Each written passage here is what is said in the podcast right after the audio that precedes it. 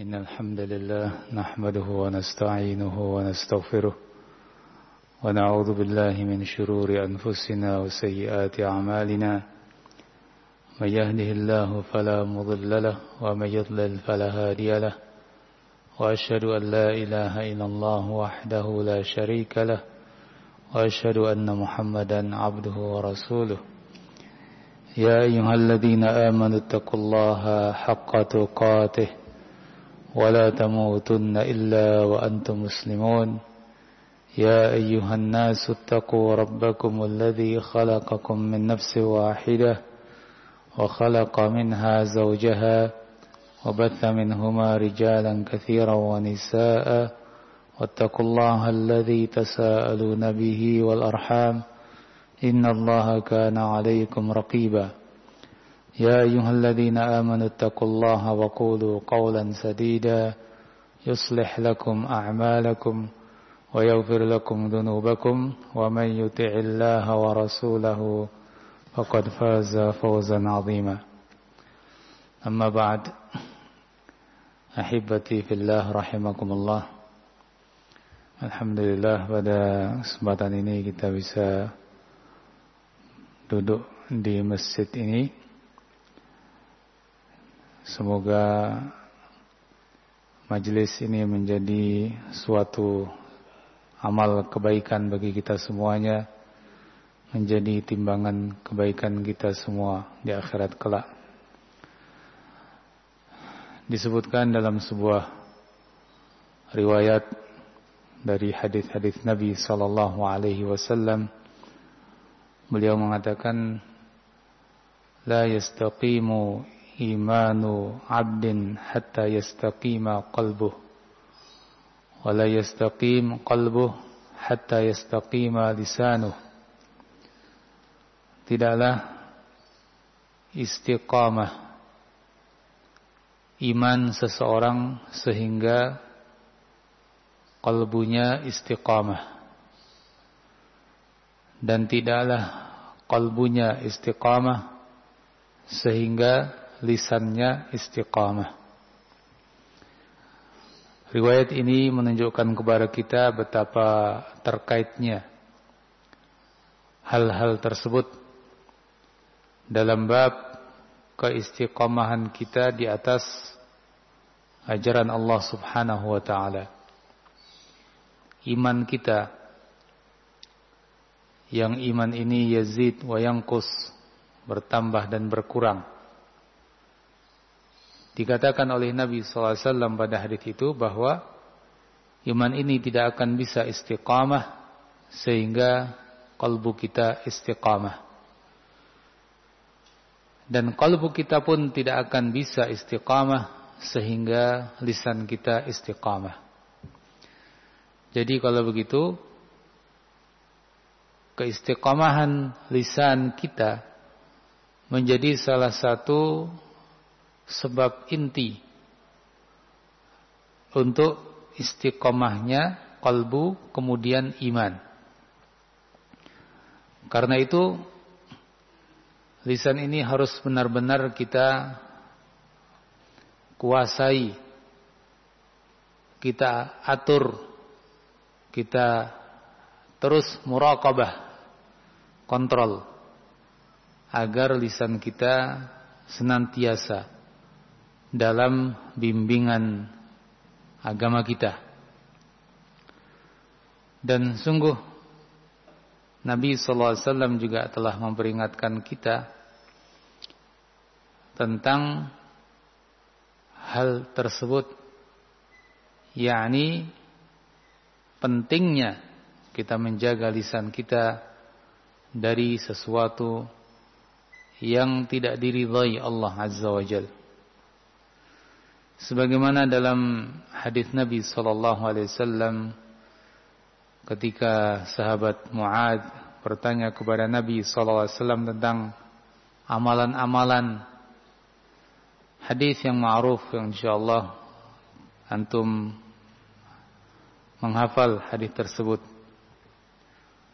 yaitu ketika Nabi sallallahu alaihi wasallam mengatakan kepada Muad Ya.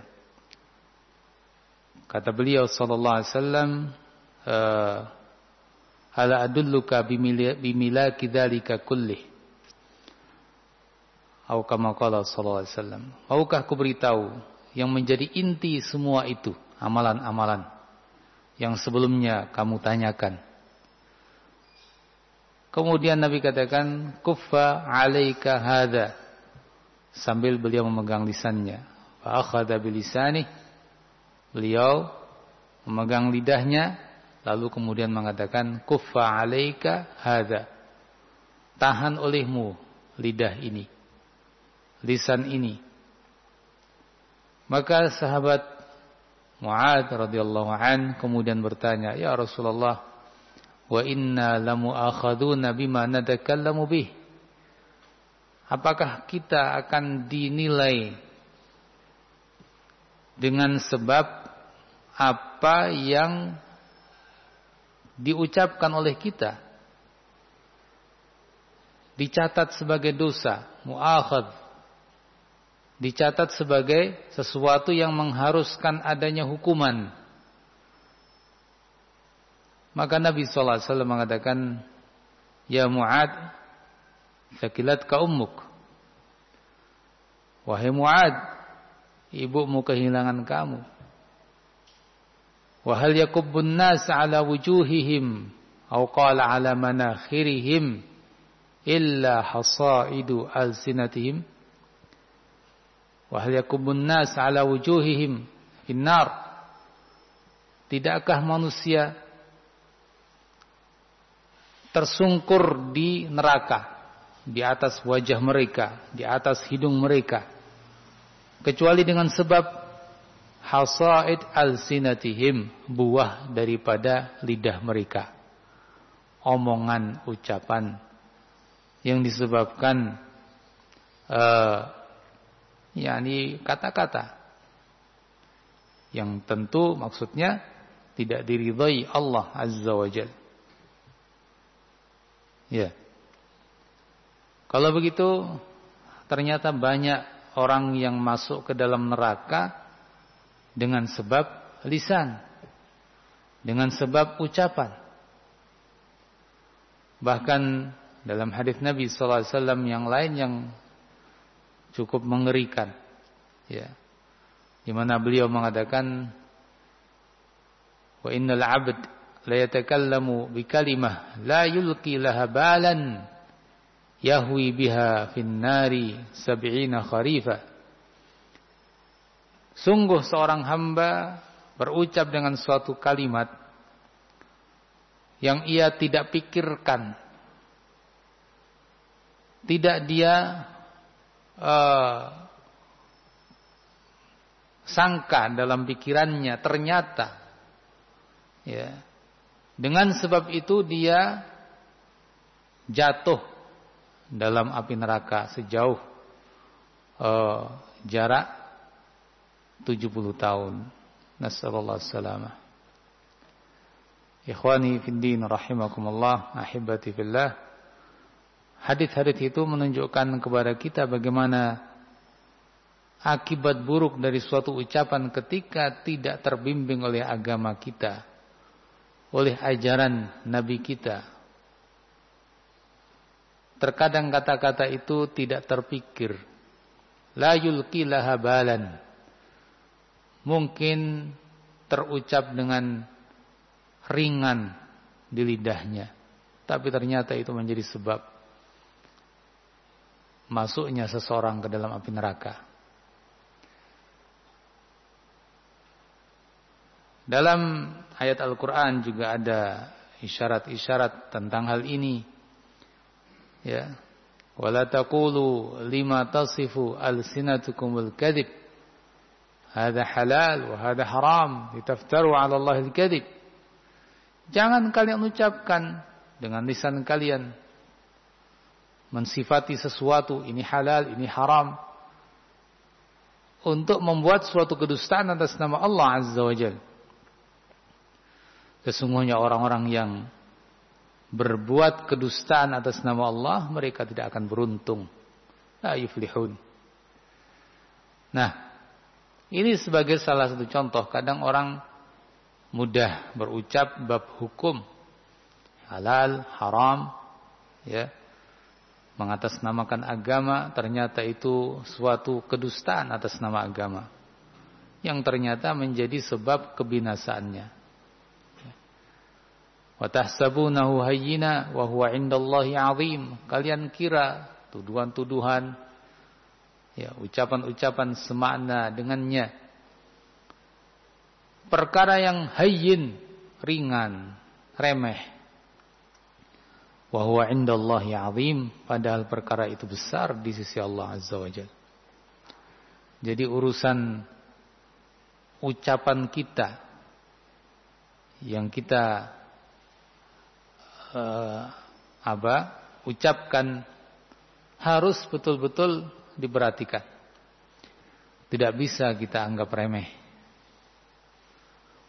Karenanya dalam karya-karya para ulama kita mereka banyak menyebutkan macam-macam pelanggaran lisan besar maupun kecil yang di antaranya adalah misalnya al-kadhib. Kedustaan. Kedustaan ini adalah merupakan kabirah min kabairid dzunub merupakan salah satu dosa daripada dosa-dosa besar. Yang ternyata bab ini saja kalau kita teliti di tengah masyarakat kita apakah mereka jatuh padanya atau tidak? Ternyata bab ini saja sudah banyak sekali yang jatuh padanya. Kedustaan ya ternyata hal yang akhirnya dianggap biasa di kalangan umumnya masyarakat. Padahal Nabi SAW dalam bab bercanda saja tidak mau dusta. Padahal itu sesuatu yang uh, biasa dilakukan. Bagaimana dengan bab lain? Nabi tentu lebih berhati-hati dan lebih memperingatkan umat. Tapi ternyata di masyarakat, di tengah muslimin kedustaan-kedustaan banyak terjadi. Ikhwani fiddin rahimakumullah. Nabi sallallahu alaihi wasallam sudah mengingatkan kita dalam hadis yang sangat banyak tentang dusta. Di antaranya hadis yang masyhur beliau sallallahu alaihi wasallam mengatakan wa iyyakum bil kadzib fa innal kadziba yahdi ilal fujur dan hati-hati kalian dari dusta. Jauhi. Iyakum. Jauhi. Kedustaan. Fa'inal kadhiba yahdi ilal fujur. Kedustaan itu yahdi ilal fujur. Akan mengantarkan kepada kejahatan. Wa innal fujura yahdi ilal nar. Dan sungguh kejahatan-kejahatan itu akan mengantarkan kepada neraka. Wala yazalur rajul yakdzib wa yataharral kadzib hatta yuktaba 'indallahi kadzdzaba. Dan masih saja orang itu dusta dan berusaha melakukannya sehingga tertulis di sisi Allah Azza wa Jal sebagai pendusta. Ya. Ini dusta. Yang itu akhlak yang tercela walhamdulillah dari dulu sampai sekarang ya Orang-orang dengan fitrahnya bisa menilai buruknya dusta. Apalagi dengan syariat. Bahkan dulu orang-orang jahiliyah yang mereka menjaga uh, apa? Menjaga akhlak yang mulia di kalangan mereka di masa itu sudah menilai buruknya dusta. Mungkin kita ingat kisah Abu Sufyan sebelum masuk Islamnya. Ketika ditanya oleh Herakl tentang sifat-sifat Nabi Muhammad alaihissalatu wassalam. dia pun nggak bisa dusta. Dalam arti nggak bisa di sini nggak mau. Walaupun dia pada posisi musuh Nabi kala itu. Tapi yang ngomong apa adanya. Karena kedustaan itu akhlaknya budak-budak. Yang orang terpandang ya anti untuk melakukannya. Karena itu akhlak rendahan. Itu saat masa jahiliyah. Ya. Nah, bagaimana dengan Islam? Nah, tentu seorang muslim harus betul-betul menjaga sidq, kejujuran dalam bertutur kata, kejujuran dalam berbuat. Kalau orang sudah sekali dua kali dusta, ini lama-lama bisa menjadi kebiasaan. Dan itu seperti yang Nabi sebutkan tadi, yakdzib wa yataharral kadzib akhirnya. Ya, satu dusta, dua, tiga, empat dan seterusnya akhirnya menjadi hal yang ringan. Ya. Dan akhirnya juga eh, apa ucapan-ucapan itu kadang dipermainkan. Permainan kata-kata permainan bahasa dan lain-lain yang akhirnya ya masuk sedikit demi sedikit dalam kedustaan dan kebiasaan melakukan kedustaan. Nah, jadi kita harus didik diri kita untuk terus berkata jujur. Ketika kita mau masuk ke ranah dusta, mau bermain kata-kata, segera didik kita untuk jangan melakukannya. Ya, jauhi kedustaan. Jujur walaupun kadang pahit dirasakan akibatnya dalam arti eh, akibat sesaat ya. Namun ingat bahwa itu akhlak mulia dan akan menjadi sebab keberuntungan kita dia kemudian hari. Nah, ini bab kedustaan yang sangat-sangat penting untuk kita perhatikan dan kita didik diri kita untuk menjauhi al-kadhib, kedustaan dan teman-temannya. Sebab ada dusta, ada tadlis kalau bahasa Arab ya. Tadlis itu kata ulama kita ad-tadlis akhul kadhib. Ad-tadlis akhul kadhib. Tadlis itu ya kurang lebih yaitu memang akhul kadhib mirip dengan dusta ya, saudaranya. Dikatakan dusta beneran mungkin juga uh, tidak. Tapi sesungguhnya ya tadi saudaranya. Nah kita sebagai seorang muslim harus uh, betul-betul seperti yang Nabi nasihatkan wala yazalur rajulu yasduku wa yataharras sidq dan hendaknya seseorang itu jujur dan terus berusaha untuk jujur. Ternyata jujur itu ya perlu tahari, perlu pendidikan pada diri kita.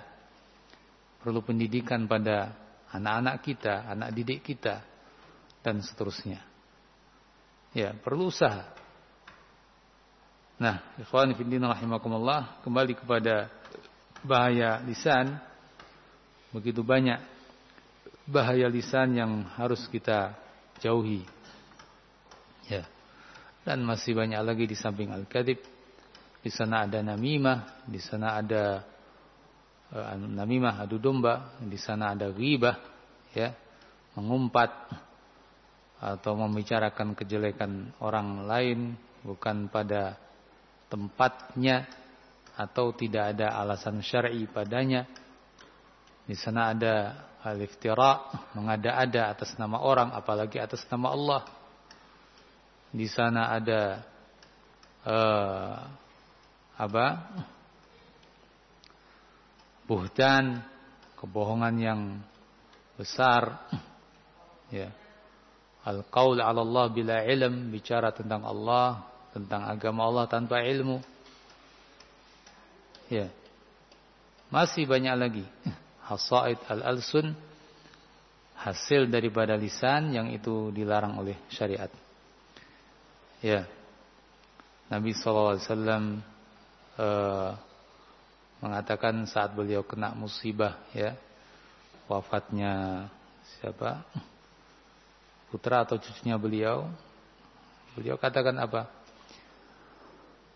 ya innal ayn la tadma wa innal qalba la yahzan wa la naqulu illa ma yurdi rabbana nih apa kata nabi mata ini menangis kalbu ini sedih dan kami tidak berucap kecuali yang membuat ridha Rob kami. Nah, kata-kata ini perlu sekali kita ambil pelajaran darinya. La naqulu illa ma yurdi rabbana. Kita tidak mengucapkan kecuali yang membuat ridha Rob kami. Nah, ini menjaga lisan. Jangan sampai lisan ini mengatakan kata-kata yang membuat murka Allah Subhanahu wa taala. Satu lagi hadis yang mengingatkan kita cukup keras ya, mungkin kita ingat kisah dua orang bersaudara di mana yang satu rajin ibadah, yang satu ya sering maksiat. Yang rajin ibadah menasihati orang yang atau saudara yang sering maksiat itu lain kali nasihati lagi, lain kali nasihati lagi sampai pada suatu saat ya si saudara yang dinasihati mengatakan Abu Izza alayya raqiba. Kamu ini apa memang diutus sebagai pengintai saya? Dia pun menjawab, Wallahi la yaghfirullahu lak. Atau yang semakna dengan itu. Demi Allah, Allah tidak akan mengampuni kamu. Dari penampilan kisah ini secara zahir, mungkin kita uh, apa? menilai, wah ini yang suka maksiat kok ngomongnya gitu. Tapi di sisi lain kenapa ini yang suka menasihati akhirnya juga ngomongnya seperti itu. Wallahi la yaghfirullahu li fulan. Demi Allah. Allah tidak akan mengampuni. Nah, akhirnya ya ternyata kata-kata itu justru membuat celaka dia. Secara penampilan luar kan dia bagus memperingatkan ya. Tapi entah ada sesuatu yang kita tidak ketahui dan hanya Allah yang mengetahui. Ternyata dia mengatakan kata-kata itu yang itu justru pelanggarannya lebih besar lagi di sisi Allah Azza wa Jal. Karena ini apa? At-ta'alli 'ala Allah. Sumpah dengan nama Allah bahwa Allah tidak akan mengampuni.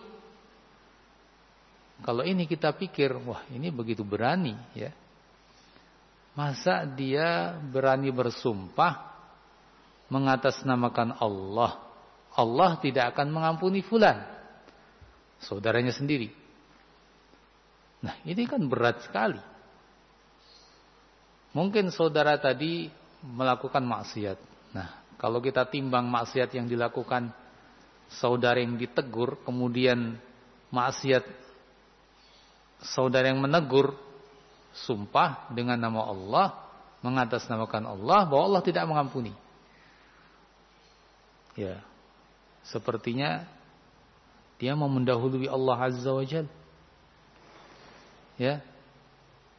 Allah Subhanahu wa taala Maha tahu siapa yang mau diampuni, siapa yang tidak. Allah Subhanahu wa taala tidak ada yang mengatur dia, tidak ada yang memaksa dia. Kenapa dia berani bersumpah atas nama Allah? Dengan mengatakan Allah tidak akan mengampuni. Nah, dari sini disebutkan dalam hadis itu bahwa Allah Azza wa Jalla berfirman, "Man dzalladzi yata'alla 'alayya alla aghfira li fulan?" Siapa yang berani sumpah atas nama aku bahwa aku tidak akan mengampuni fulan?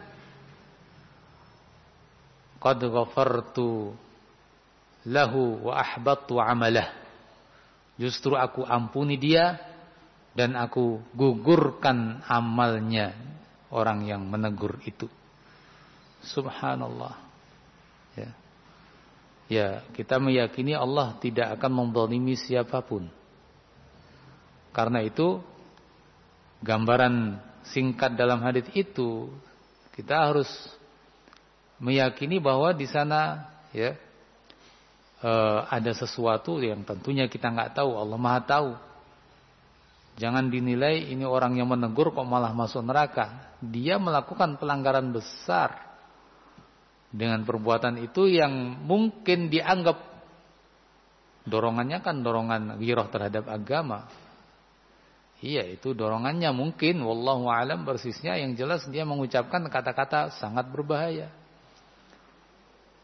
Ta'alli 'ala Allah yang akhirnya kalau kita nilai oh, ini lancang sekali terhadap Allah Azza wa Jalla.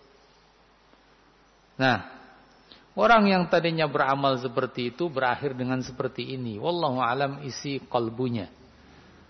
Yang itu bermaksiat kemudian justru malah diampuni Allah Azza wa Jal. Ya, Allah Maha tahu tentang hal-hal yang kita nggak tahu. Dan Allah Maha tahu tentang segala hal. Walhasil yang kita ingin petik dari kisah ini ya disebutkan oleh Abu Hurairah radhiyallahu anhu takallama bi kalimatin au baqat dunyahu wa akhiratah. Ia berucap dengan satu kalimat yang menghancurkan dunia akhiratnya. Takallama bi kalimah au baqat dunyahu wa akhiratah. Satu kalimat ya, menghancurkan dunia akhiratnya. Nauzubillah min dzalik. Jadi ikhwani fillah rahimakumullah uh, Inilah pentingnya kita betul-betul menjaga ucapan kita, omongan kita, dan kita mendidik diri kita untuk lebih bisa, ya, lebih bisa menguasai lisan kita, menahan diri. Karenanya Nabi SAW mengatakan dalam hadis, "Man kana yu'minu billahi wal yawmil akhir, wal yakul khairan aw liyasmut." Falyakul khairan aw ucapkan yang baik atau diam. Kalau kita beriman kepada Allah dan hari akhir, ucapkan yang baik atau diam. Ya. Diam itu lebih cenderung kepada keselamatan. Ya. Wallahu a'lam bishawab. Ini sebagai pengingat bagi kita semuanya. Uh, dan insyaallah pada umumnya hal ini telah kita ketahui bersama. Namun insyaallah uh, dengan murojaah dengan kita saling ingat mengingatkan barangkali ya ini membuat kita semakin uh, terbimbing. Mungkin ada yang lupa dari kita ada yang lalai pada diri kita. Kemudian uh, akhirnya teringat ya semoga ini semuanya ya bermanfaat bagi kita semuanya Allahu a'lam bishawab. Mungkin ada kata-kata yang kurang berkenan. Saya mohon maaf yang sebesar-besarnya. Wallahu a'lam bishawab. Subhanakallahumma bihamdik asyhadu an la ilaha illa anta astaghfiruka wa atubu ilaik. Alhamdulillah rabbil alamin. Assalamualaikum.